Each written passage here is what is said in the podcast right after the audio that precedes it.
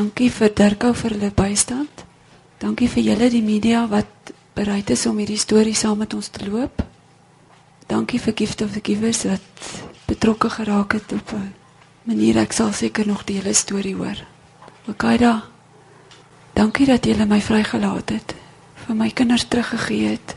Dankie dat julle ons met respek behandel het, met vriendelikheid. Toe Peer siek was, het julle vir hom medikasie gegee.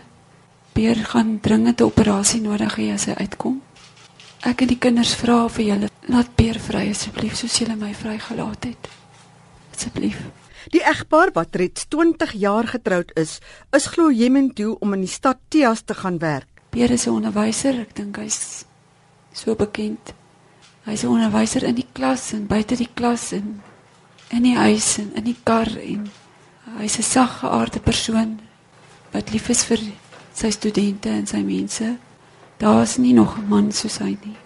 Terwyl ons in aanhouding was, het ons vir mekaar weer ons huweliksbeloftes afgelê en gesê ons gaan weer hierdie jaar trou. Miskien as jy gelukkig is, dan sal jy 'n uitnodiging kry. Jolande Kortjie het in hospitale gewerk terwyl haar man Peer Kortjie skool gehou het. Bietjie geld met perde afrigtings, terapeutiese ry waar mense wat gestrem is gery het, lesse gegee. Toe ons in Jemen gekom het, het ons nie geweet, niemand het ons gesê hierdie mense kruip in jou vel en in jou hart in nie.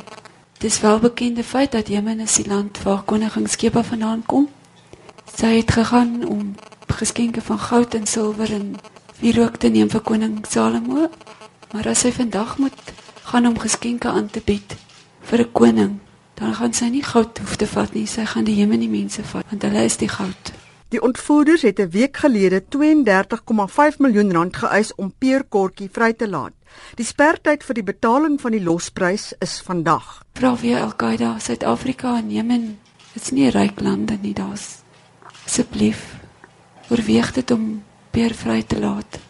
Ons is so trots op ons president Nelson Mandela wat vir ons 'n voorbeeld kom gee het en ons kom inspireer het oor vergifnis, geduld, samewerking en ons het dit gaan leef daarin en ons maak 'n beroep op julle. Gee gee genade vir Peer sodat julle ook genade kan ontvang. Dankie.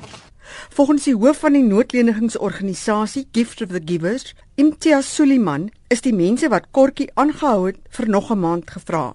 Sy verteenwoordiger in Jemen het aan hulle gesê dat die geld wat hulle wil hê te veel is. Hulle sal binnekort 'n antwoord hê. Very complicated terms of, of the release process. We were very lucky the first time. It's actually a miracle. I don't even know how we pulled that one off to get Yolandi out in four days without paying any ransom. The second one is going to be far more complicated. They told us very, very clearly on Friday morning, when they handed Yolandi out over to us. They said, remember, you have eight days, we need $3 million, and you know what we're capable of. And then they told Yolandi, your husband's life is in your hands. Imtiaz Suliman, die hoof van die Gift of the Givers.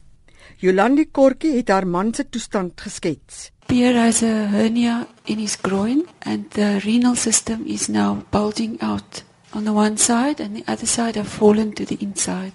So it's um, causing damage to the renal system, the urination, etc. Jolandi Kortjie wat Vrydag vrygelaat is in Jemen. Hierdie verslag is met die hulp van Janine Koetser saamgestel. Mitsi van der Merwe in Johannesburg.